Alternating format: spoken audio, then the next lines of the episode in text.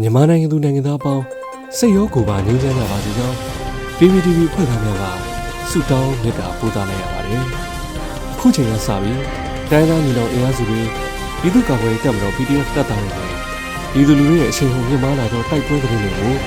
စူးစီးတင်ဆက်ပေးသွားတော့မှာဖြစ်ပါတယ်။ကျွန်တော်ຫນွေဦးလင်းပါပထမဦးစွာ မိုးပြဲလေးရမြောက်တိုက်ပွဲတွင်စစ်ကောင်စီဘက်မှ20ဦးကျော်သေဆုံးပြည်သူ့ကာကွယ်ရေးဘော်2ဦးကြဆုံးတဲ့တဲ့ရင်ကိုတင်ဆက်ပါမယ်။ရှမ်းပြည်နယ်ကရင်ပြည်နယ်အဆက်မိုးပြဲတွင်ဖြစ်ပွားသောစက်တင်ဘာလ17ရက်နေ့လေးရမြောက်တိုက်ပွဲတွင်စစ်ကောင်စီဘက်မှ20ဦးကျော်သေဆုံးကြောင်း KNDF ကသတင်းထုတ်ပြန်ပါတယ်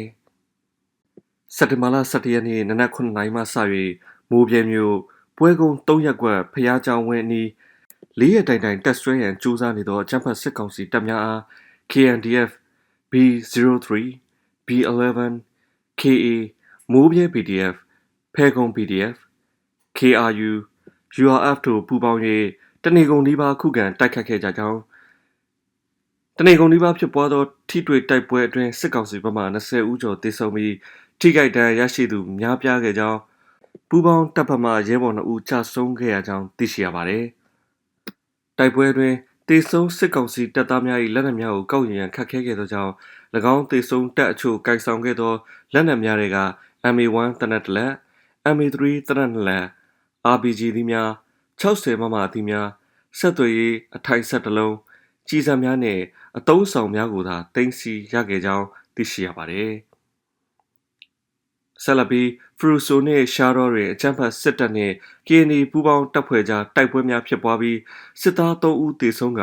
အများအပြားဒဏ်ရာရတဲ့တဲ့ရင်ကိုတင်ဆက်ပါမယ်။ KNY ပြည်နယ်ဖရူဆိုမြို့နယ်နှင့်ရှာရော့မြို့နယ်တွင်အကြမ်းဖက်စစ်ကောင်စီတပ်နှင့် KNY ပူးပေါင်းတပ်ဖွဲ့များကြားစက်တင်ဘာလ10ရက်နေ့နှင့်17ရက်နေ့တွင်တိုက်ပွဲများဖြစ်ပွားခဲ့ပြီးစစ်ကောင်စီဘက်မှ3ဦးသေဆုံးက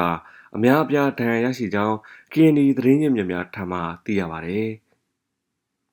စက်တင်ဘာလ10ရက်နေ့တွင် ရှားတော်မြို့နယ်ပွန်ချောင်းနီစခန်းချကျူးကျော်တပ်ဆွဲထားသောစစ်ကောင်စီတပ်ဖွဲ့ကို KNI တပ်မတော် KA နှင့် KNDF တပ်ရင်းစက်ခွန်တို့ကစနိုက်ပါဖြင့်ပစ်ခတ်တိုက်ခိုက်ရာစစ်သားတအူးသေဆုံးပြီးတအူးဒဏ်ရာရရှိကြောင်း KNI အမျိုးသားကာကွယ်ရေးတပ်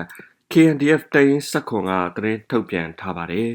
။စက်တင်ဘာလ17ရက်နေ့တွင် ဖရူဆိုမြို့နယ်ဒေါ်ကြီးခူကျေးရွာသို့ဝင်ရောက်လာသောစစ်ကောင်စီတပ်ဖွဲ့နှင့် KNDF တရင်15တရင်၄ကြားစက်တင်ဘာလ17ရက်နေ့နေ့လယ်ပိုင်းတွင် အပြန်အလှန်ပစ်ခတ်မှုဖြစ်ပွားပြီးစစ်ကောင်စီဘက်မှ2ဦးသေဆုံးကအများအပြားဒဏ်ရာရရှိခဲ့ပါသည်။တိုက်ပွဲသည်နှစ်နာရီနီးပါးကြာမြင့်ခဲ့ပြီးအပြန်အလှန်အနီးကပ်တိုက်ပွဲဖြစ်ပွားခဲ့ကြောင်း KNY ပူးပေါင်းတပ်ဖွဲ့ဘက်မှတအူးမစိုးရိမ်ဒဏ်ရာရရှိကြောင်းသိရှိရပါတယ်။ နောက်ဆုံးအနေနဲ့မုံရွာညောင်ဖြူပင်ကြီးရွာတွင်ရဲတပ်သားတန်းလိုင်အပါဝင်ရဲနှအူပြစ်ခတ်ခံရပြီးသေဆုံးတဲ့တဲ့ရင်ကိုတင်ဆက်ပါမယ်